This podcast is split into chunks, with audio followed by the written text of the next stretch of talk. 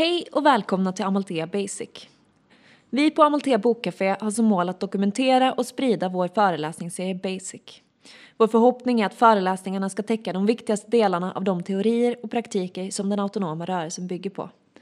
Föreläsningarna sker här i vår lokal på Kristianstadsgatan 41C i Malmö. Trevlig lyssning. Basic, basic, basic. Basic, basic, basic. Basic, basic, basic. Ba- basic, basic.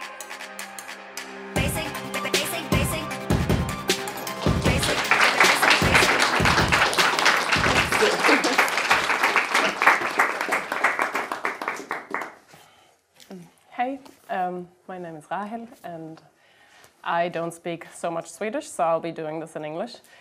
Um, I was invited by Amalthea to have a talk on migration, and um, I'm trying to keep it basic. If I, if I, you know, use words because, um, yeah, I, I study this sort of topic in a way, so maybe I, I try not to use that kind of lingo. But if I do, please let me know, or you know, if you have any questions um, and, and want to clarify or such things, um, please interrupt. Um, and otherwise, I made some personal choices on what I want to talk about tonight because it's a super vast topic. So I, I tried to pick sort of two broader issues I, I like to raise on a more general level and then you know have some examples and um, then we can also you know I, I have some space for, for discussion after each of those topics. Um, so it's not just me talking, but uh, you can raise your ideas, questions, issues, discuss them, um, you know, with the people you hear or the people sitting next to you or whatever, and then you know we we you know, make it a bit more engaging. So what I, I like to start with is a bit of a sort of introductory um, to the topic of migration, um, and then later on uh, I like to bring up uh, migration within globalization, um, and specifically uh, the global labor market and how migration and is structured through that, or how those two sort of phenomena influence each other, and. And then later on, um, to talk a little bit about sort of politics or um, well, polit- policies or political um, approaches to migration and uh, yeah, issues of security, so called, um, that relate to that. So, just so you know what's, I'll try and, and cover a little bit. And what I'd like to point out before I start talking is that I try not to, but it's it tends to happen, I think, that when we talk about migration, we generalize a lot. And of course, I don't mean to, um, when I talk about certain patterns of migration and certain people that participate in certain flows of migration, that I do not want to generalize that that is, you know, all women do this or all low skilled migrants work in this area. But so, you know, yeah, I just wanted to raise that. I'm not trying to do that. I'm trying to, you know, refrain from that a little bit. But it quickly, I think, happens when we when we discuss these things, and I think that is actually quite interested and interesting, and maybe something to actually, yeah, talk a little bit about as well. Why does that happen a lot? Um, but um, I think at the same time, migration is a very politicized topic, and there's a lot of images uh, or Im- imagination sort of created around that through um, public discourse, uh, newspapers, politicians, societies. How we talk about migration shows a lot, I think, and um, even though maybe people have more or less engaged with that topic, we all sort of have ideas or images that pop up, I think.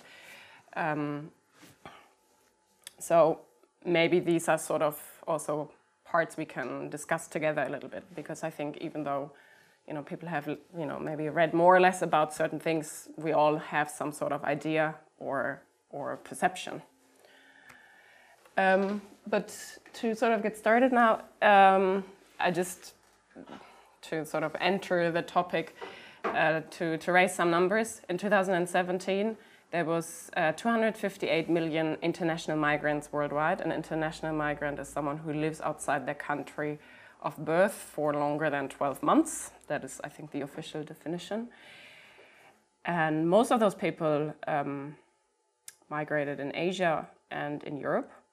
But what I find interesting that it's actually only 3.3% of the world's population. So even though, I mean, 258 million people, that is a huge number. Uh, statistically, it's quite a small phenomena for the amount of attention it gets or the, the amount of politics that's sort of being built up on it. Um, and this graph on the right side, it's, um, it just shows a little bit on the kind of different um, migration streams. So, and it's divided into regions. So we have Asia here and Europe here. Um, Africa's here, it's a bit hard to read even on here. Uh, Latin America to North America. So there's, you know, big bubbles sort of on the corner or on the edge and sort of smaller connections between like the different uh, bigger regions. Um, so what this sort of, I think graphically shows, it, it shows quite nicely that a lot of migration actually happens, you know, regionally and not necessarily so much globally. Uh, in 2016, uh, there was two, 26 million refugees worldwide, um, the majority of them in Turkey, and this is uh, quite a low number. And at the very end of this talk, we'll get back to that because this is actually it's not the amount of displaced people who are uh, displaced by, by conflict. That is a much higher number, but those are the people who are actually um, categorized as refugees. So that means they're registered with the UNHCR, UNHCR, the High Commission of Refugees of the United Nations. Um, and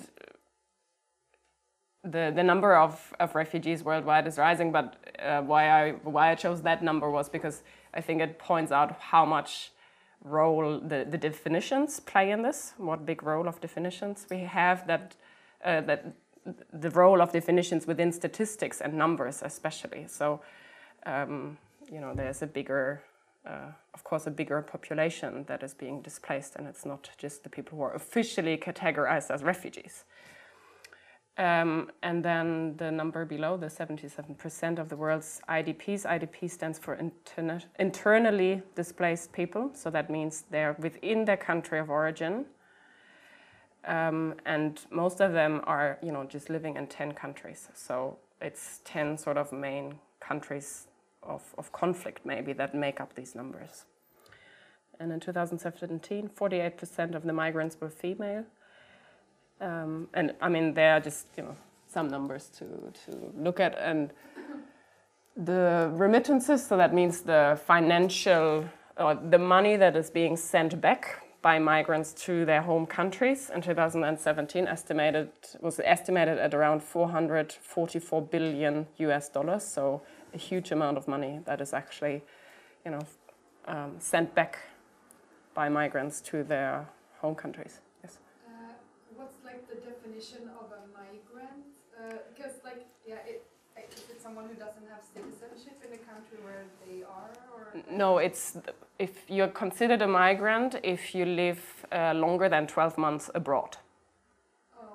So I'm not an international migrant yet because I haven't lived or, you know, I move, I live in Sweden for, I think, 10 months. So I'm not, I wouldn't be in that category because I won't stay here for 12 months. But if I was staying longer, then I would be considered an international migrant, for example. And you are considered that for the rest of your life, since you're not. No, so those are sh shifting numbers no, exactly. So um, if we look at some of the key words sort of that come up within the topic of migration, if you see the return migration or circular migration, um, return migration means someone actually migrates back, so then they're no longer a migrant.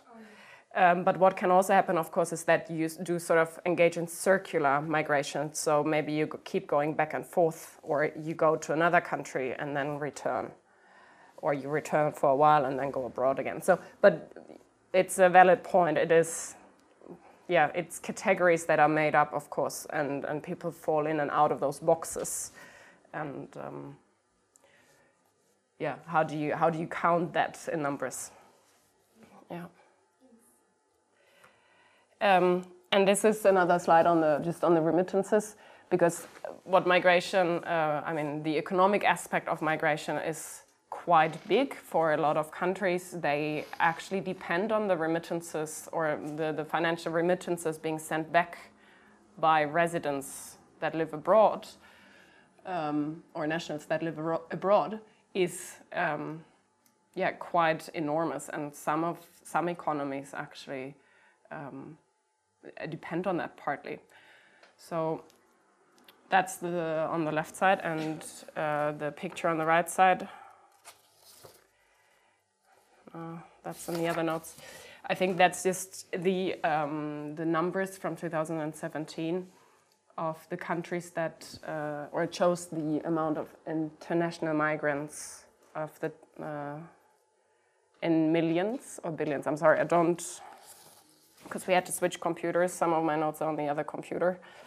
Um, but I think those are um, numbers in millions um, of international mi migrants according to the, you know, 20 biggest sending countries. So India, Mexico and Russia are, you know, very much on top there. And if you look, for example, further down, um, like, is, is it? I don't think, for example, Syria is even in there, and that is, you know, one of the main. Is it in there? Oh yeah. Yeah, so it's here. So it's that wouldn't make any sense if it wasn't in here. But so you know, of course, the conflict in Syria is one of the biggest uh, conflicts forcing people to leave their homes. But if you look, you know, on a bigger scale, those are not. They are not making um, not not how do you say making up the biggest part of international migrants in terms of you know which country sends most. And of course, India with the, this massive population, it's maybe not quite unlikely that they are up there. But yeah, just I wanted to show you this map because the problem with this is it's very, um, it's, of course, migration is really fluid. It's not static. So, you know, looking at numbers and definitions, I find it a bit, it's maybe not super helpful, but there's a lot of these kind of maps, um, which I find pretty cool but not, not the one I wanted to get at, here. Um, so if we zoom in, for example, you can see, um, I think red means it's more out migration of that country than immigration, and blue means they receive more immigrants than people leaving. Um, and we can even, you know, zoom into specific places. So if we start with Sweden, for example, you can get some details on, you know, wh where, what makes, where do people come from or where do Swedes go to or people who lived in Sweden. Um, and Iraq, for example, here is, you know, quite one of the dots, more dots coming from there than, for example, from I don't know, India. Uh, and these flows of migration, I mean, there's different different reasons why people migrate. There's different patterns, and there's different um, well, backgrounds to that or backstories to that. Um, and I mean, some of them are pretty obvious, such as you know the outmigration of Syria. That's obviously because of the conflict. But then, if you, for example, look at Australia, there's a lot of immigration to Australia. And for example, that a lot of those places that people come from are either English speaking or oftentimes part of the former or the Commonwealth, so maybe former colonies um, or other colonies of the Commonwealth, um, or you know just also in the in the region in that sense. So there can be different reasons why people choose to migrate to, to certain places. Another example, for example, is Angola. If you look at Angola, um, Angola used to be a Portuguese colony, so they speak Portuguese.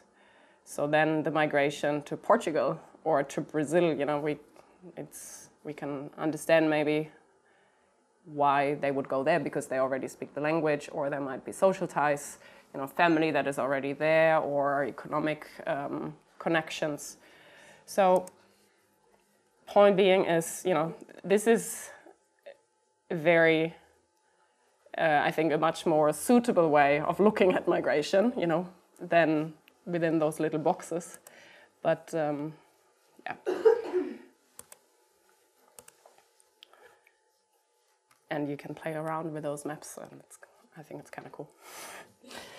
So, when we talk about migration, what is migration? We can we can conceptualize it and according to, I mean, sort of different phenomena, and that helps to actually talk about it. So there is an advantage to, to doing that. We can talk about migration in terms of labor, skilled or unskilled, or low and high skilled uh, labor, people uh, fleeing uh, conflict or prosecution. There can be uh, family migration or love migration. You can migrate to study, or you can, you know, migrate as tourists. And there, of course, the borderline is the, within these categories. You know, apparently you have to live abroad for 12 months, and then you are considered an international migrant. But tourism is sort of on the borderline there. And then there's different patterns and routes and reasons for them, as I was trying to show up, like point to a little bit before with those maps. Um, and a lot of them are, you know, have to do with existing social ties and networks that people have to specific places where they already have connections to or an idea of, you know, what, what expects me there if I, if I go there. Um, colonialism, as in the example of Angola or uh, the, the Commonwealth sort of connections, uh, plays a big role in that, or other historical connections between uh, certain places. Language, um, but also immigration policies, obviously, and they are, yeah, that is something we'll, or I'll get back to later on. But these patterns um, they're not static either, and they and they change due to you know different conditions. Uh, for example, a change in legislature, le- legislate, legislature. You know what I mean? Law. um, countries restricting the immigration policies, or you know actually opening up their borders. Uh, there is currently more the opposite. There's increase of uh, securing the borders. Um, there can be uh, the change of demography of migrants, um, so meaning, you know, um, specific migrants from specific places that maybe are attracted or uh, sort of lured to come and migrate to a certain place. And of course, globalization as a bigger sort of phenomena. Uh, yeah, I'm, I don't really want to go into the, the definitions here, but when we talk about migration, we need to differentiate between international migration, that means you cross the border, or uh, you can be an internal migrant, so you move within your, your country of origin. Um, migration can be forced or voluntary, and I mean, those can be, you know, sort of um, borderline uh, reasons or, or motivations. There's the talk of push and pull factors. So, push factors pushing people out, pull factors attracting people to certain places. Discussions of brain drain or brain gain. You know, is the country losing out if a lot of migrants or a lot of people leave? You know, is that a brain drain? Or do they actually uh, have a brain gain because they might return and they have acquired a lot of new skills that they can then, you know, uh, uh, well, that contributes to the economic development of the country. And you know, a lot of this is, yeah, has a very sort of economic touch of thinking about migration. I think quite often. Um, yeah. Any questions so far? Oh, otherwise, inter- yeah. We want look at the, the map. Yeah. Can you show the link at the Yes, yes, and I have I have a couple of maybe resources or tips for reading up. Uh, that I was asked to, to put in the end. I didn't put the links of that, but I can we can look at that later. We can put it in the event as well. Yeah. But there's, I mean, those are just a few examples. There's, you know, a bunch of those sort of animated uh, graphic visualizations. Um, so to sort of start with the first uh, topic that I that I outlined before is that I would when I talk about migration now, I talk about it in a context of globalization. Um, because obviously people have always been mobile and always migrated and always moved. But what makes maybe this migration right now particular is that it happens at times of globalization and that there's a general sort of increased flows of people, ideas, goods globally, and there's a uh, even though people might be geographically way more disconnected, there's other ways of connecting um, on new levels, mostly facilitated through technology. Um, mm. And this, what globalization I think has really intensified and changed global migration. And a big part of that plays technology, um, such as you know phones, uh, remittances, um, not necessarily only in financial remittances, so not just the money being sent back, even though that can be really crucial uh, for individuals uh, or even bigger economies, but also you can also think of remittances as uh, sort of social remittances and and so on. And the fact that through this through globalization, I think there's a lot of new hopes and possibilities that sort of pop up for people.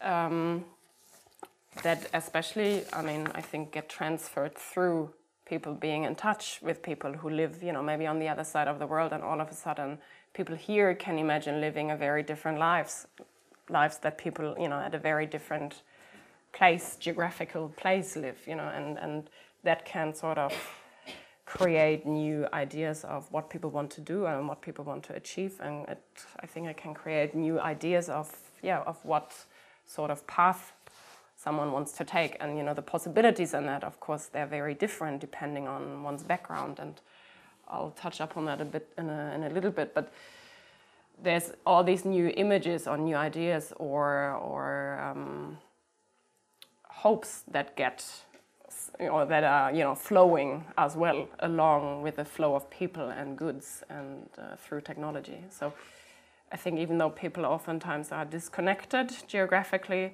this really uh, brings brings people together again at the same time. Um, yeah, I think what what's important uh, on the sort of technology side is that this really facilitates or creates uh, or helps to maintain connections to people at home um, it, uh, you're able to, to get in touch with people in your new place, and it can also help to sort of form and maintain diasporic communities. So people who are you know displaced, maybe because um, they face prosecute, prosecution in their home countries, they might leave that place, and then you know they're still maybe part of a political movement or something, and they can, even though they, you know, live, you know, in all, you know,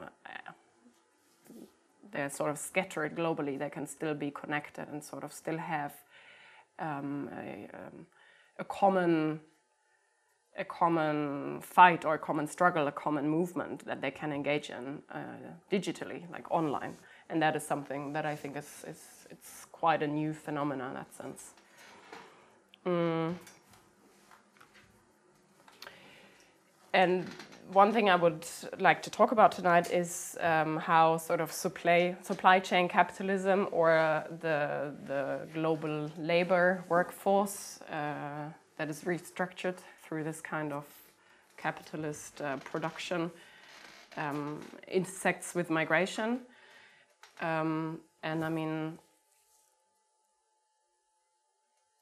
I think that, or supply chain capitalism, by that I mean, you know, the, the geographic disconnection or geographical spreading of, of a production process. So when we think of, you know, goods, they are being assembled, you know, maybe little bits and pieces everywhere and then sort of have uh, one, one place where they're all put together and then shipped around the world and sold and marketed here. And you know but sort of the, the production process is it doesn't happen in one place. It's ge- geographically um, uh, disconnected.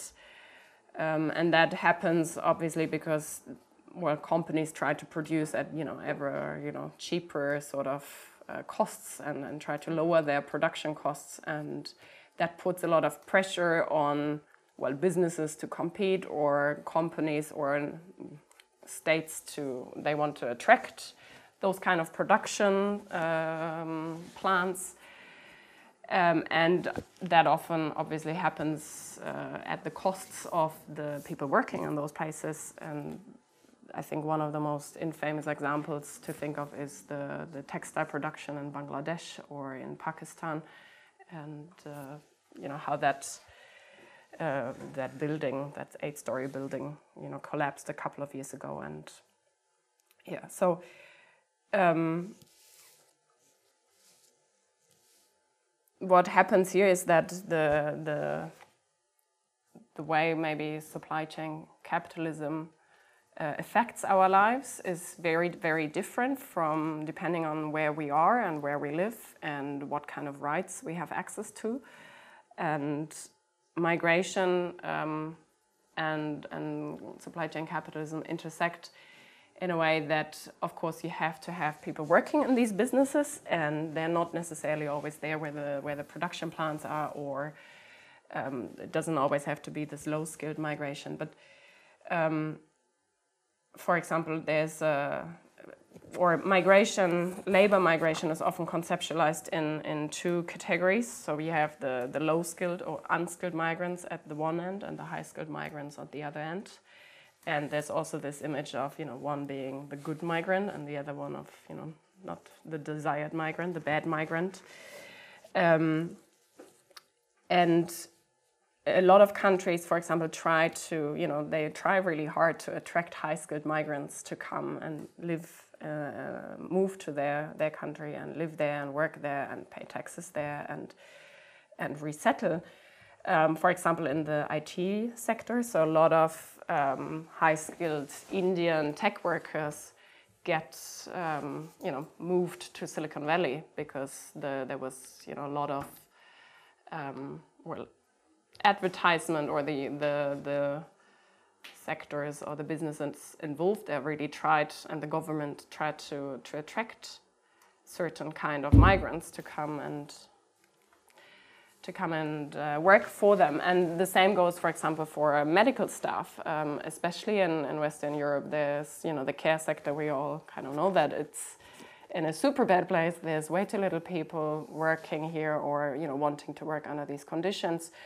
Um, and a lot of countries have very active sort of schemes that were through which they try to attract skilled uh, medical staff. So um, one example of that is, for example, the British, the, the National Health, Health Service, the British NHS, um, which is facing um, tremendous challenges right now, and because the, they are super understaffed, it's a total catastrophe. But um, the actual fear that a lot of people now have is that when the UK actually leaves the EU, a lot of the Polish uh, staff that makes up quite a lot of uh, people in there, they are feared to leave the country, and then the NHS would kind of, you know, collapse. And the ironic here is obviously that the Brexit votum was a very sort of racist. Um, um, campaign against EU migrants invading, you know, the, the British uh, welfare system and so on and so forth. So the irony here is that, you know, they really, you know, screwed themselves over, the British, by voting for Brexit. And now maybe with that, a lot of the medical staff leaving the country and them facing, uh, you know, like quite insane shortages of, of staffed um, or, or skilled staff. Um, so you know those are just um, some example. On the other hand, you have uh, the construction uh, works, for example, in the Gulf states. Another infamous example there is the the labor conditions or the conditions people have to work under constructing the what is it in Kuwait, Qatar? No, in Qatar for the FIFA World Championship or something. The I don't know exactly what sports event, but um, yeah, building those stadiums there and uh, sort of uh, yeah, the conditions were described as modern slavery. Um, and because there's low-skilled workers, oftentimes their passports just get sacked by their employers, and they, you know, they are they're under these immigration schemes. There gets, you know, India. It's a lot of Indian, Bangladeshi, and Pakistani people who sort of, yeah, uh, end up in that in that situation, and uh, they are sent there under these schemes, and they have hardly any access to any rights. And of course, that is a completely different situation that the high tech or the high skilled tech worker from India faces in Silicon Valley. Like they will have very different positionings in this global labor market. Um, and there is an entire industry um, behind this, this global labor market uh, restructuring, and uh, this happens at formal and more informal levels. So we have these state-run agencies that try to facilitate certain emigration, maybe of their citizens, to go and, and work abroad in order for them to send back economic remittances so that the country, uh, country's economic growth you know, is enhanced by that. Um, and at the same time, you have a lot of private businesses that are involved with that. Um, two examples, and I'll talk a little bit about the case of Sri Lankan um, mates working abroad and a little bit, you know, and this sort of looks can look like that. You know, those is, these are websites, the top right where you can search for a nanny, and you have different criterions you can enter. Do you want a do you want a new mate? Do you want a transfer mate? Do you want an ex Singaporean? Yada yada yada. Like there's all these things that you can put in there. And this one here uh, is when you want to find a housekeeper or an au pair working for you. I think it was a US website, I'm not sure. And I think this one was from Sri Lanka, uh, Singapore, sorry. So, you know, there's a massive industry behind this trying to facilitate uh, these sort of migration or profit of these migration flows. Um, those are formal examples. Um, of course, there's also um, informal ones, um, such as the sex industry and uh, women, or mostly women, being forced into sex work, which happens obviously at a much more informal level, but equally, you know, there's a lot of money being made there. So, yeah. One specific um, phenomena within that is the, the so-called feminization of migration. So obviously women have always migrated as well, and the numbers uh, within um, within that haven't you know changed a lot. But what um, has changed is the, the pattern of female migration, and that there is a new attention to it in research as well, which is obviously uh, something to welcome. um, and the, those changing patterns that refers to that migra- woman migrants um, migrate differently these days. So they often move much more independently and less in a family union.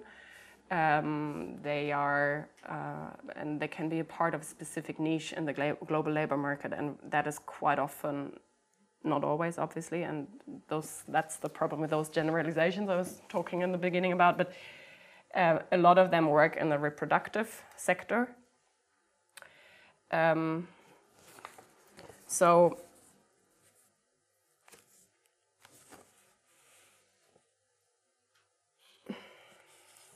for example, um, female labor migrants often work as nannies or housekeepers or maids um, and uh, I think there was a big discussion here in Sweden a couple of years ago about that as well, wasn't there? Or maybe it wasn't big, but um, about you know what, what does that do to, or how do you conceptualize, or how do you make a sense of that? That a family here, maybe a Swedish family here, both parents go work, they have a dual income, they hire someone, a woman from a different socioeconomic background or lower socioeconomic background, to come and uh, work for them, take care of their children, you know, run their household, and that's all of that. Uh, whereas at the same time, this person maybe, you know, can't take care of, of their children anymore, and it's the family that then jumps in, the, the spouse or, you know, other relatives. And uh,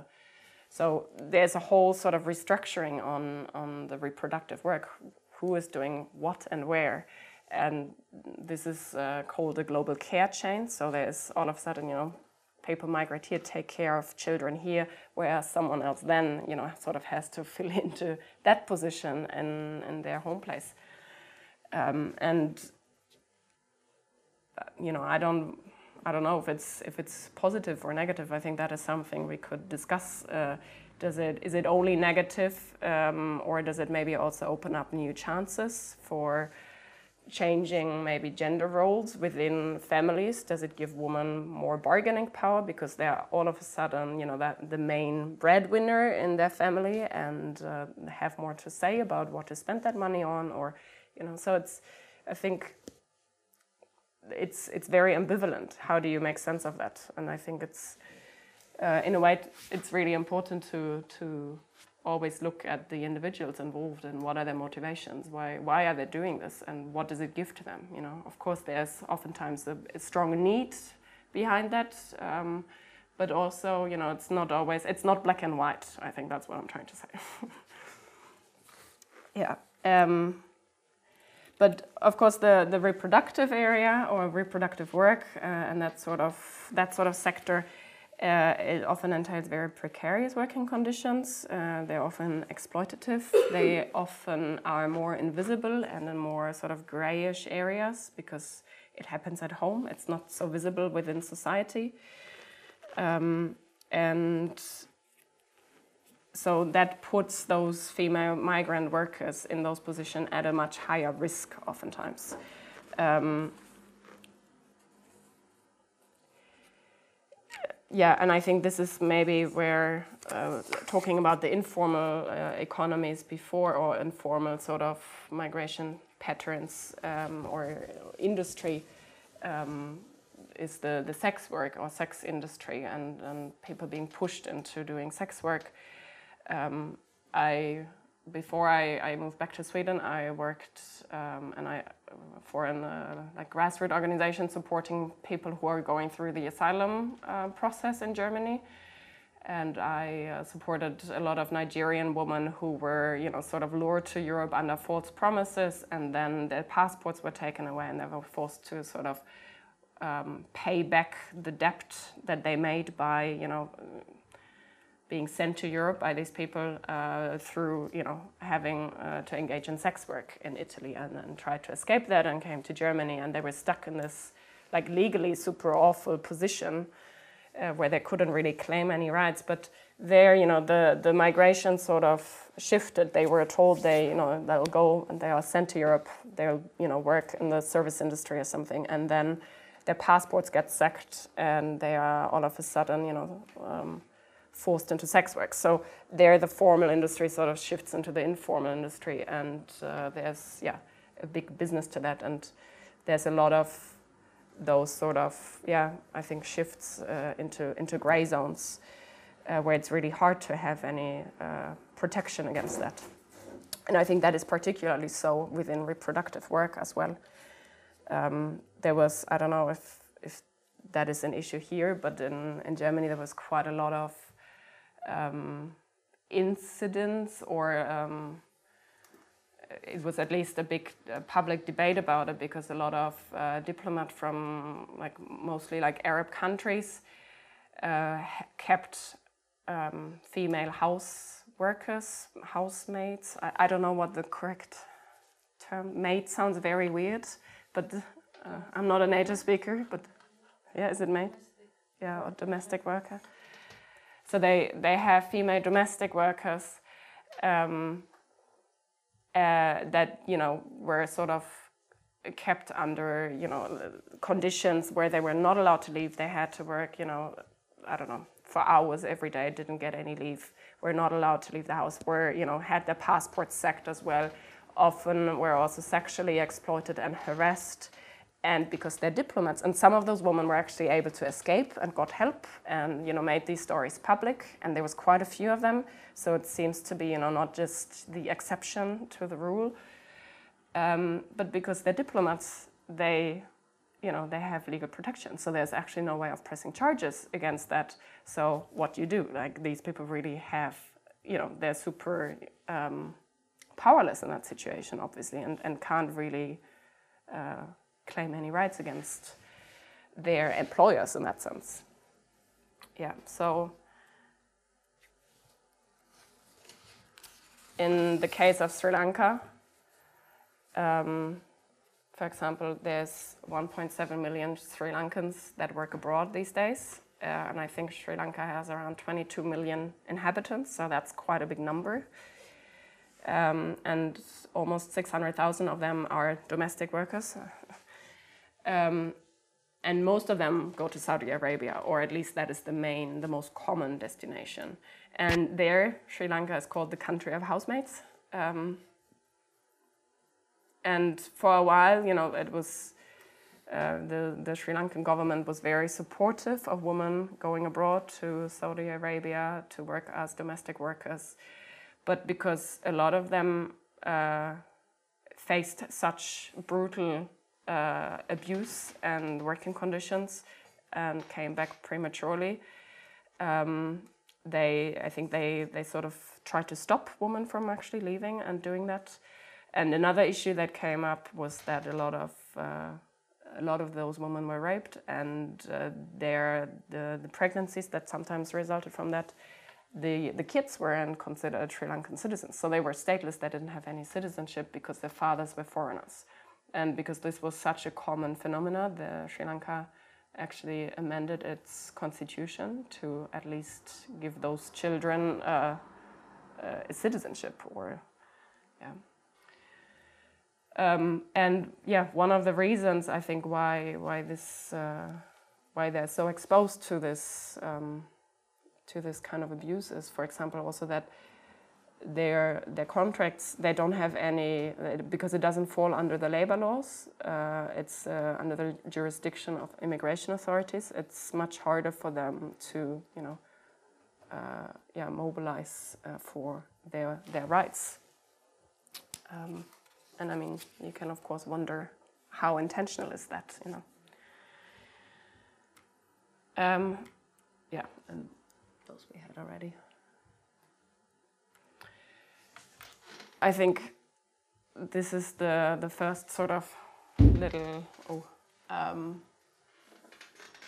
uh, breaking point maybe we can have um, uh, where I think it would be interesting to discuss this where uh, if you have any questions we can raise them. But um, I think otherwise uh, we could discuss this question of you know having this very segregated labor market along sort of different lines um, either uh, ethnic lines, gender, um, um, skills, educational background, and so on and so forth. And how, you know, I think it's something that is, it, sometimes we don't see it as much anymore if we, you know, live in this environment, but if we actually try and think about it, it is quite visible. Um, and, you know, what does that actually mean for the societies we live in? And yeah, I think there was this debate maybe it wasn't that big about Swedish families, for example, like employing domestic workers, you know, and, and uh, I think a lot of them were from the Philippines. And you know, what what does that, yeah, what does that mean?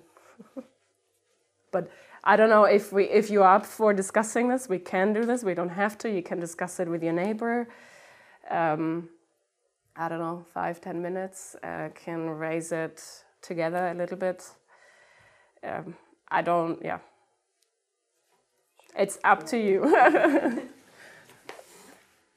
so the, yeah, within the next section, um, I think I would, or my, my idea was to talk a little bit about well policies or politics in migration and. Um,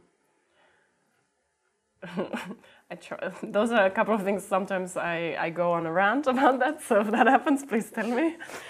Um, and I, you know, I already I mentioned uh, migration or immigration policies before as you know a very important tool to to control migration. Um, it can facilitate specific kinds of migration, so such as the, the domestic work migration we just uh, looked at, or it can also obviously prevent other kinds of migration. Um, and often there's this indirect, sort of subtle labeling of, of good and bad migrants. Um, and that is often along the categories of high or low skilled migrants or legal or illegalized people so people who are, you know have a, a legal status or who don't have um, a legal residence permit and have no papers so those are sort of you know the the uh, extremes and that kind of of yeah with with those kind of images that are prevalent in the debate um, and these policies obviously have a huge influence on what is possible and what kind of opportunities exist um, and, and, what kind of opportunities are sort of on offer or are offered. And yeah, well, it, there's a huge difference again here as well on who can access that uh, or who has access to what kind of opportunities and what kind of migration pathways. Um, and yeah, it obviously often depends uh, on, on the socioeconomic background, the educational background, the citizenship you hold already. Um, and the more privileged, obviously, uh, the more opportunities you usually have, unfortunately. uh, and I think one very, very crazy, um, where is it? example of this, I'll just show a short video to make this a bit, you know, er, is um, the selling, or in Cyprus, you can uh, buy a, a Cypriot passport, but only obviously under certain conditions, and that involves a lot of money. It's the paradise island in Europe, which is not. So I think this is so absurd. Uh, Cyprus is not the only place who sells citizenship. Um, it, that is actually quite common. I didn't, I didn't know about that. Um, and I mean, the,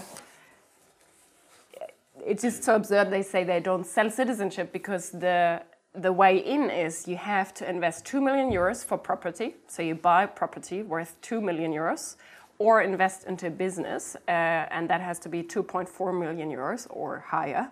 And then this will give you the right to uh, that will give you the right of, for a Cypriotic citizenship. So I mean, if that isn't you know buying a passport, then I don't know what is. You know, um, yeah. So uh, I have no words. um, and what what this what I think this example um, points to, though, is this whole debate about citizenship um, and what sort of rights the right passport or the wrong passport gives or doesn't give you. Um, so um, the the country you're born in, or the, not necessarily the country you're born in, but the country's citizenship that you hold, um, can determine a lot of you know the uh, a lot of the places you can or cannot go to, for example, or um, yeah, where where you can migrate to more easily or less so. Um, I don't know if you can actually, if it's maybe too small, but this is a list or a, sort of a ranking on what, if depending on the kind of passport you have, the amount of visa free or visa on arrival, I think, entrances you can have worldwide. The darker the color, the better, uh, you know, uh, your passport. In quotation marks, obviously. So it just sort of says, or I think uh, it sort of shows what what this gives you access to, or access to, you know, free movement or freer movement. um,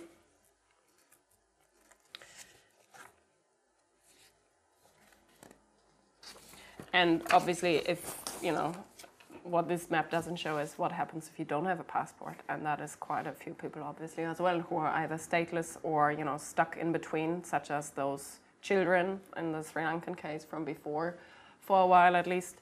And if you don't have a passport, that is, or you don't have a sort of clear national identity that you can claim, um, well, that that leads to like a huge amount of problems in your everyday life, de- as, like depending where you live as well. Um, so, in and I, I'll keep referring to German examples. Sorry about that, but that is the context I'm, I'm most familiar with.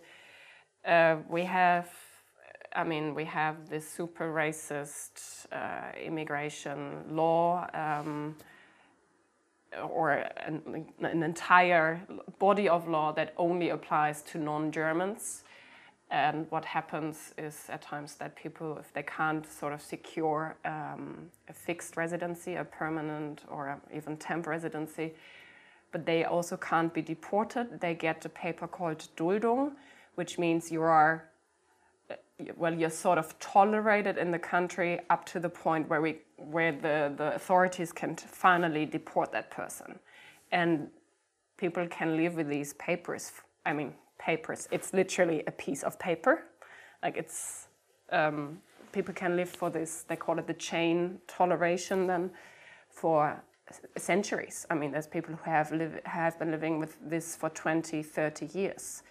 Um, always, you know, being sort of threatened uh, with deportation. And it's super hard to get out of that sort of status and to, to get into a more um, fixed um, yeah, residency, which will then, of, of course, you know, give you access to more social welfare possibilities or whatsoever, and just, you know, generally more stability and uh, security. So, um,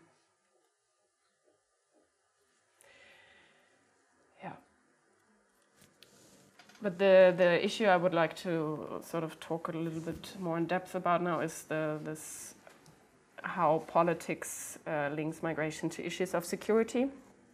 Um, and, you know, this has been happening more and more so, um, especially through increased terror attacks in, in Western countries, uh, and that leading to debates about national safety and security issues. Um, and the yeah, the nation state's desire to control its territory, both from um, those uh, attacks, but as well as from uh, sort of illegal. Can you, when you you put this recording online? I don't know. be a lot of uh, things to put in quotation marks, but. Um, uh, entrances into uh, the nation state's territory as uh, was happen- as what was happening in the summer of 2015, the so-called summer of migration, where a lot of people, you know, just crossed the borders or the borders were open and people were able to to enter uh, or to move within Europe, um, at least for a little while, a little bit more freely. Um, and but this obviously, as we all you know have seen or experienced, has really changed recently um, because the a lot of governments were.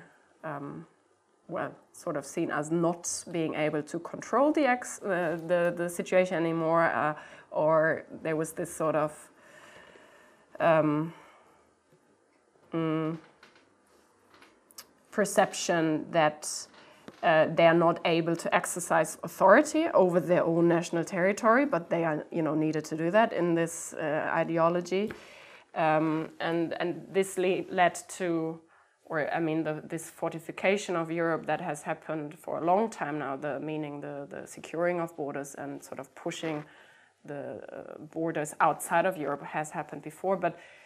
Um, after the summer of migration in 2015, what happened was that gradually all the countries closed their borders and uh, to, you know, try and, uh, well, not lose voters to the right. We all know what happened uh, with that, but um, so what we've seen here with all the borders closing between Sweden and Denmark, Denmark and Germany, Germany, Austria, and all the way down, sort of as a, a chain reaction. All of a sudden, this was happening in Europe, but of course, this has been happening outside of Europe the entire time, or outside of receiving countries. Uh, but that is something that is much more invisible and not really part of the public discourse here. For one, because it's not very, you know, it's not, we don't experience on a day to day basis, but also I think because there's good reason why uh, policymakers don't want that to be. Um, and, and one example, I raise all my points. Um,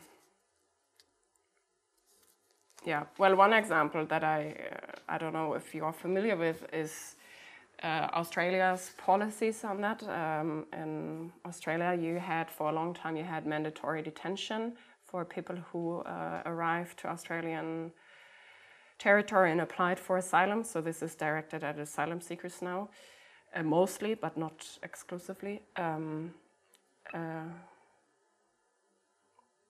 and um, so Australia has generally had a very sort of racist immigration policy that was uh, called the White Australia um, Immigration Act or something like that. And then in, in the 90s, they already had a stop the boat, uh, so called stop the boats policy, that was stopped for a while and then reintroduced in 2013. Um, and uh, the then government promised that you know no more people will arrive to Australian territory by boat because what there's a lot of refugees that try and escape Indonesia, which is mostly a, a, transit country, so people pass through Indonesia to try to come to Australia, and they take these, you know, shitty boats and try to make it to Australian territory or Christmas Islands. And um, the government back then said that they would reintroduce the stop the boat policies in order to, you know, um, stop the boats. Uh, and they did that. Um, and what they did as well was that they um, removed people from Australian territory and actually forced them into these detention camps in like the Pacific, like near the equator, like thousands of kilometers away from Australian territory, um, onto two islands, Manus Island and Nauru. And I always mix it up, but I think um, Manus Island is an island that belongs to Papua New Guinea, and Nauru is a super, super tiny island state that depends on development aid from Australia and freshwater delivery from Australia because they actually don't have any freshwater production there. So the Australian government went in and told them that they pretty much want to host, want them to host their asylum seekers um, and I mean, the, the power balance in there, I think, is pretty clear. Um, and this was an attempt for, for, or they were saying, the Australian government was saying that they were trying, that they wanted to punish people for jumping the queue. That's what they said. Because in Indonesia, you can register with the UNHCR, the uh, United Nations High Commission of Refugee, and they have resettlement programs. So if you register with that, you can, you know, maybe be resettled uh, to a country that takes in people through this program. So uh, the countries can sign up and you know say we take in 50,000 people per year or something like that. The numbers that are actually being resettled through these programs are tiny, tiny, tiny, and people you know worldwide register with these programs, but the amount of time waiting to maybe then have a chance to actually be resettled through that are super small. And often you can't i don't know how much you're able to choose actually where you want to be resettled to. So that is not really an option. Um, and indonesia is also not the greatest place to be in i think if you don't have any any statues. Um, it's not particularly famous for you know uh, being a, a, human rights uh, defender so a lot of people, you know, have no other choice than leaving that place and trying and trying their luck and actually trying to make it to Australia to apply for asylum there because the these programs are not really, you know, they're a bit of a cover-up story, I would say. Um, but the Australian government thinks that people were jumping that queue, that they would have to wait in Indonesia Um, and I think the average waiting time there was around four, five, six years, something like that, until their application would, you know, be processed or they would have an answer to that. I think, um, and that obviously is a very, uh, it's a very obvious deterrence policy and trying to um, scare people away to, you know, not try and make that that journey and the conditions on these island camps were uh, super awful. Um, it was really makeshift camps that people were forced to live in. Um, the the conditions, I mean, it was it was randomly picked people. Obviously, not everyone could be relocated to these islands, so they randomly picked people to be sent there. That was, you know, everyone could be sent there, unaccompanied minors. Uh, there was a lot of babies there, a lot of small children. Um, there was a lot of attempted or um, um, I don't want to say what's the correct way. So people who committed suicide, attempted to commit suicide, death because of well accidents, violent fights with uh, security guards, um, generally a lot of violence uh, and human rights violations. No real medical care, and nothing, like literally nothing. Um, and by now, I think the, the High Court, the Supreme Court of Papua New Guinea, uh, forced the Australian government to shut down the Manus Island camp. I don't know about the Nauru camp. This has in, gained international attention by now for, I think, last year at some point. This became very, very broad or very broadly known in the public, but I mean, this has been going on, or this has been debated in the Australian, um, yeah, in the Australian public for a long time, and the conditions were known and yeah, but nothing much happened. Uh, what happened, for example, though, was that the visas to attain a visa to, I think, to go to Nauru, all of a sudden, you know, the, the visa cost just went through the ceiling. No one could afford doing that anymore. So people were thinking about, you know, maybe going on a cruise ship that stops at those, you know, sometimes, you know, different islands are stopped at to actually be able to go uh, and enter the island through, you know, for touristic reasons, sort of, you know, undercover. Because if you go with a cruise ship, then maybe you would be able to go there. But officially, as a tourist, it was very hard, and as a journalist, no fucking way. The people who working there um, in these camps uh, as social workers, they all had to like sign confidentiality agreements that they were not allowed to talk about it. A lot of them breached these agreements um, and were uh, actually spoke out about it and a lot of people, you know, uh, were faced up. The, the organizations pressed charges against them, so they were taken to court for actually speaking about all about all these human rights, speaking up about these human rights violations there. And I mean, this is there's this whole story to it. Like, this is the stop part where I need to stop ranting. I think because it's. I mean, what happened there was just. Uh, I don't know impossible. Like you wouldn't every time they did something, you were like, how bad can it be? They won't be able to, you know, they won't be able to top this anymore. But they always came up with another thing of, you know, making it worse and worse and worse and worse and like unbelievably bad. Um, so when this whole debate in, I don't know if it happened in Sweden, but at least in Germany, it was partly debated on not on having um, hotspot centers outside of Germany. I don't know where that would be in Austria. I don't think the Austrians would be particularly pleased with that, to have hotspot centers there to process asylum seekers before they come onto German territory. I think this is a bit of a copy and paste sort of uh, from Australian policies. And of course, this policy works well because Australia is an island. That doesn't work so well in Europe, but Europe has thought about some other ways. Um, in Australia, this whole policy was um,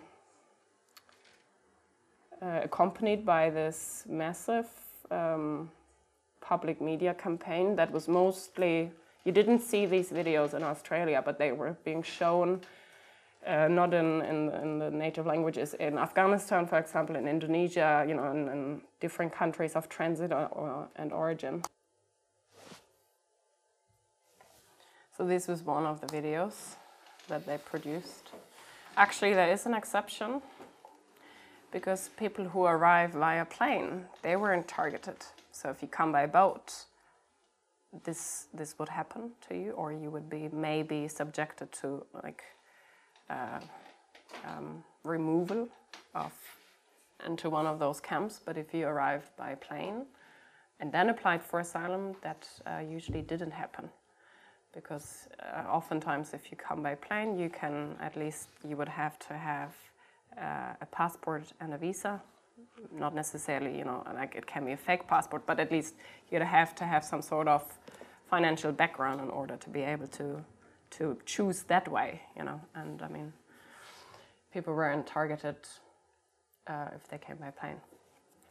So, uh, what that really shows is the hypocrisy of that uh, policy. It's not about, or well, of course, it's about stopping asylum seekers, but it's also about that sort of image that is uh, seen in the public or perceived in the public as or constituted as a threat to, I don't know, national authority or national integrity or whatever.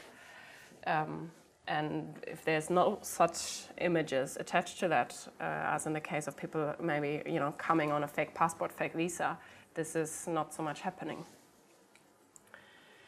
Um, and the EU, I mean, they the EU is very active in, in on the African continent, uh, in sub-Saharan Africa, but well, this is no longer correct, actually, the title. Um, because it's not just sub-Saharan Africa I'll talk about, but um, so they're very active in, their, in, in, in that region. And what happens there is that they, you know, we, we see how Frontex is sort of operating in the Mediterranean, and you know, we see the border sort of put up there. But what is actually happening is um, that the borders are being pushed further and further away from EU territory through EU policies. Um, and uh, one of those um, one of those things, uh, or one of the parts of that is the Khartoum process uh, and uh, the so-called Better Migration Management Initiative. Um, and the, the Khartoum process involves uh, different deals with um, different African governments. Um, or generally, the, a lot of those policies entail that. Uh, it started off um, with individual countries having binational agreements, so EU countries such as Italy, Spain, and France having um, binational agreement with a sending uh, country uh, on taking back uh, uh, rejected asylum seekers. Um, so, you know, they would have a, a, deal with that. You take back these many uh, rejected asylum seekers, and for that you can send 800 people working under these, uh, you know, within this sort of immigration scheme, low-skilled working workers on, I don't know, plantations in Spain, seasonal work, whatever. So, but there was a deal, you know. They would have to take back rejected asylum seekers. They are mostly forcibly removed, obviously, or deported. Um, and at the same time, uh, legal immigration, which was number wise a lot smaller usually, was facilitated. And uh, these programs are called voluntary return programs. So that is uh, the, the official language to that. Um, but what happens now, for example, and this is sort of how it started and this has picked up, and the EU is trying to make this uh, much more, uh, um, how do you say, like a policy or uh, agreements sort of covering the EU countries and different countries on the continent, on the African continent, and not just bilateral agreements. Um, but for example, what's happening with the Khartoum process is now where I think this is being taken a step further. It's not about removing people and taking people in. Um, here they are making deals with uh, African governments, for example, the Sudan and Eritrea. Um, and there's this. Um, uh, I'll get back to that. It's too much text, I think. Um, the Sudan, um, for example, has, or the Eritrean border, if you look at the bottom, Eritrea, borders to Sudan, um, and a lot of people who leave Eritrea cross that border because they either go there or through Ethiopia. And uh, Eritrea is a military dictatorship where people are have to do um, military service, and oftentimes this is indefinite. So once you're in the military, you can't leave it, and a lot of people flee the country because of that. And Eritreans, at least in Europe, um, make up quite uh, one of the main uh, uh, groups of asylum seekers, and at least in Germany, I would assume in other countries as well, their um, uh, level of, of um, successful applications is quite high. Because if they would be sent back, they would definitely face uh, prosecution from the government there. So Eritrea is one of the main sending countries of uh, uh, asylum seekers or successful asylum seekers. Um, but what is happening now is that the EU um, and um, there's particular countries that are very actively involved in that um, try and sort of gear up that border because so far it has been a more of an open, fluid border um, that hasn't really been controlled much. And they are training Sudanese, um, Sudanese, uh, well, border guards authorities to use more advanced technology in order to control people um, or to order in order to, to actually guard the border. And so they are they are. Uh, I think it's 215 million euros that the EU is paying to Sudan for securing the border. Um, I don't know uh, during what time period, but this is pretty recent. And the Sudan, so you know, this is to keep Eritrean people in Eritrea, quite obviously. Um, but what is uh, particular about the Sudan is that uh, Omar al Bashir is actually, you know, he has an international warrant from the Human Rights Court in Den Haag, who's, and he's sort of wanted for war crimes. So this is a regime they are building up right now um, that is super suppressive, and uh, the, this guy has been, you know, involved in or responsible for like super heavy atrocities in Darfur, and at the same time um, the, the paramilitary forces that are using this equipment and sort of securing the border have been also actively involved in, in human rights violation.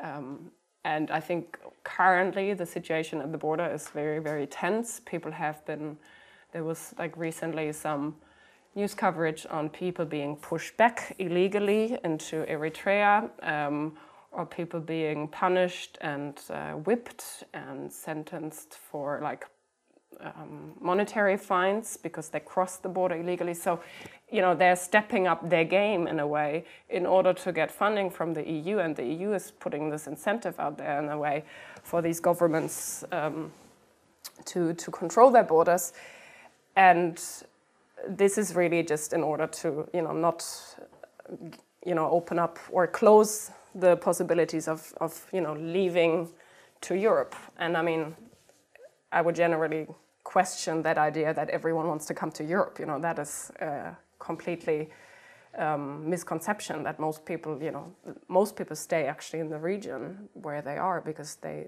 you know, they don't have the means. Maybe they don't want to, you know, go all that way. Um, and this is another, I think, really interesting website. Mm. There's this research initiative um, that has been trying to count the, the financial and the human costs of Fortress Europe. And I mean, what we talk a lot about is the people dying in the Mediterranean Sea that are drowning because, the, because of Frontex and the whole military operations there being just to, to fortify Europe and not to save people. But I mean, people, of course, there's the amount of people dying in the Sahara is much, much higher, um, or at least is guessed to be much, much higher. There is no numbers on that than people dying in the Mediterranean Sea. So it's again, what do we, you know, what is visible and what isn't. Um, and hold on, I wanted to show you something. Let me find it. So I really. Uh, recommend this this website. I think it's really interesting because it it looks at this whole industry that is behind this fortification of Europe because I mean that is a massive massive business we're talking about. That is a lot of money that is being involved in there. This one you know agreement with Sudan and the EU contains 215 euro, euro million of euros, you know. Um, that is just one tiny bit of it. And what they did is, for example, to they they researched the networks, who is actually you know benefiting of that, um, which which businesses are involved in that, what kind of um, uh, contracts, uh, with what kind of financial agreements did they you know receive through that, who is actually profiting of this. Um, those are businesses in Europe. Um, yeah, so you know, there's a, a lot of that, but then or you know some some open like Google um, spreadsheets and so on on the the amounts being spent. But um, what they also do is they they follow the money trail they call it. Um, um this is another yeah what kind of money is being spent on what and we see that you know it's 46 million around 46 million on detention centers in, in third countries. So that means outside non EU countries, um, in Libya and the Ukraine. But then you also have uh, research and development programs um, that are you know, used for that. The gear for European border guards, and then the you know, so these are some amounts, but then when you scroll down, this is the amount of money that I think is being spent on deportation. Sorry. So, yeah. I'm not going to go into this now. So, again, there's this massive industry um, that is actually benefiting off this construction of a security threat to off through you know migration to Europe, illegal so-called illegal migration to Europe. Um, and by you know constructing this image, we can employ all these people in all these businesses that you know fortify the borders, that you know push the borders out, and all of that. And there's this gigantic um, financial financial um, benefit to that in a way for for from a business perspective now um, that is that comes along with that, but that no one really talks about or sees. Like it's not visible. All that is visible is that you know we are protecting our borders, we are doing the right thing, but uh, what happens is that it's you know the borders are being pushed down south, further south, uh, more and more and more. Um, yeah, and I mean, for example, in in in Mali, Mali has been one of the countries that has been very reluctant and has really been trying to not sort of give in to the pressure that it has faced by the European Union and to not sign um, these contracts on having to, to fortify and secure their borders. Um, but in the end, they actually had to give in because they were threatened to, you know, have all the development aid cut, and that does make up quite a big of the of the budget. Um, you know, and and yeah, it didn't it didn't work out in the end anymore for them to to try and um, stand up to their political ideals because Mali is also a country that is has been very much sort of um, influenced by a pan-African ideology of free movement, and there's this agreement of Western African countries of open borders, so similar as the Schengen system in Europe. So people can travel freely in, uh, between a lot of West African countries. And these policies are actually putting that at threat again as well. So what EU policies do, it's not just you know that they sort of implement and impose their ideas of, of border management and migration management, um, but they actually change the local conditions and the, the sort of trans-regional um, connections and systems that are in place. And I think, I mean, that I'm just guessing here, but I think that will lead to more ruptures in the future. Like if if people actually can't migrate within the region anymore, and you know, what what kind of effect does that have? Um, yeah, and of course, this is just on the left side. It's part of this uh, better migration management um, um, initiative that is part of the Khartoum process. And of course, you know, it's only about addressing human trafficking and migrant smuggling. You know, those are always the words uh, that you know are being dropped, uh, the sort of buzzwords that are being used to, to legitimize all of that. So I would stop here, and we can, uh, or you know, give back to you, sort of, uh, to to discuss. Or if do you have any questions maybe first? A bit low energy maybe by now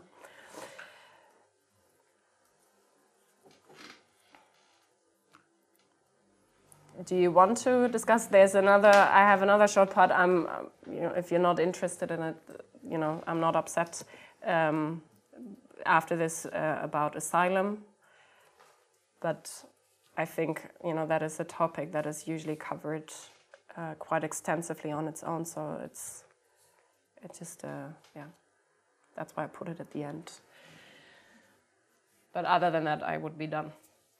So either we can discuss, we can continue, we can do both, we can leave it at here. What are you up for?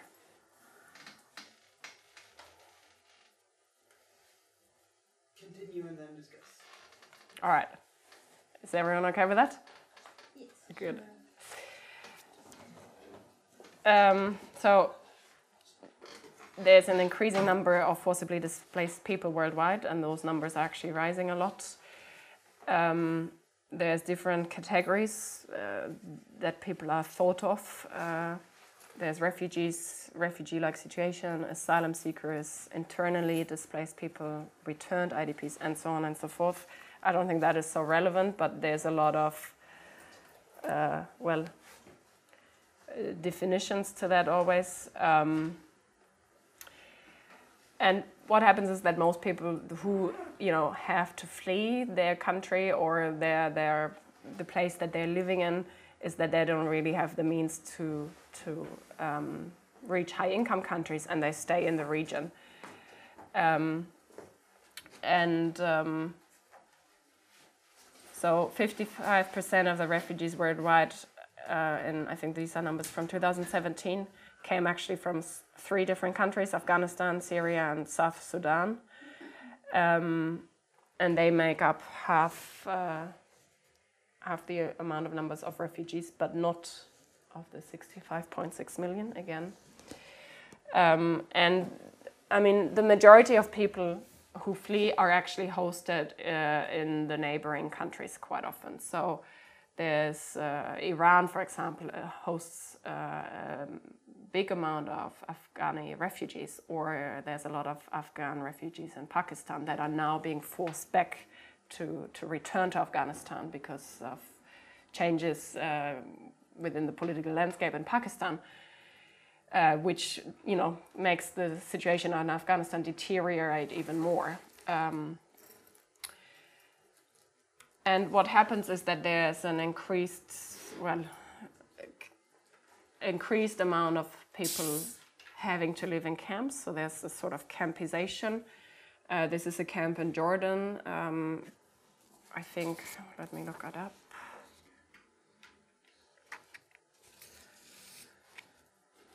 sorry, I don't, I don't know. It's a it hosts a couple of 10,000, 100,000 people. Like, I mean, these camps are uh, gigantic, and um, uh, a lot of people don't really, you know, can't. They're stuck there. They can't go back. They can't go elsewhere. Um, and and they are sort of forced to live in these situations and for in, like longer longer times and what in 2015, with the summer of migration, what happened before was, for example, that the World Food Program that is run by the UN, it's a program that is uh, solely based on donation from from countries that donate, and they were, you know, sort of crying out for help, saying we don't have enough funding if we don't get more funding, we need this amount of money, we will have to cut food rations into half. And this is what actually happened. So, food rations in a lot of the camps um, hosting, uh, especially in Turkey um, and other Syrian neighboring countries, uh, were cut into half. And all of a sudden, the, the situation worsened for people that they were, you know, they, they had no other opportunity other than, or saw, saw no other way than, you know, having to leave that camp. Um, because the conditions deteriorated. So they sent out, you know, someone to try and make it Europe to then, you know, bring their family uh, the legal way, or you know, entire families left because they just couldn't sustain their living situation there anymore. And then once uh, sort of high-income countries saw that mechanism that happened there, all of a sudden the World Food Program had enough donations again. So you know, it's really uh, at times it feels you know they're just trying to to, to find just the right degree of keeping people living in these conditions, under these conditions, you know, to just make it just bearable. Uh, and if it deteriorates a bit more, people would, you know, actually leave as well because there's no other chance of surviving in a way. Uh, and they want to avoid that, but also, of course, they want to avoid giving too much, you know, and, and improving those situations. So uh, I think that is just uh, yeah, a very brutal sort of realization how how you know a cutting or a insufficient funding led to that and then all of a sudden a program like this you know all of a sudden receives a lot of money again because governments see what happens if they don't do that. And yeah. That's just something what i said before. Um, wrapping up, I think those are some interesting sources. Um, I honestly couldn't think of too many, too many good books in English. Um, I think you have Amalthea, so you know that is a good resource to use. and otherwise, I think there's a lot of uh, really interesting movies and online resources to to check out, and they link into other things as well. Again. Um, and on the bottom right, if you are interested in sort of more thorough, in-depth reading, um, the movementsjournal.org, it's an uh, international um, journal, um, mostly like leftist researchers, um, and I think they do quite interesting, they write quite interesting articles on, especially on, you know, uh, topics such as borderlands, securitization, uh, human rights, and all of that within that. All right. Thank you. You really.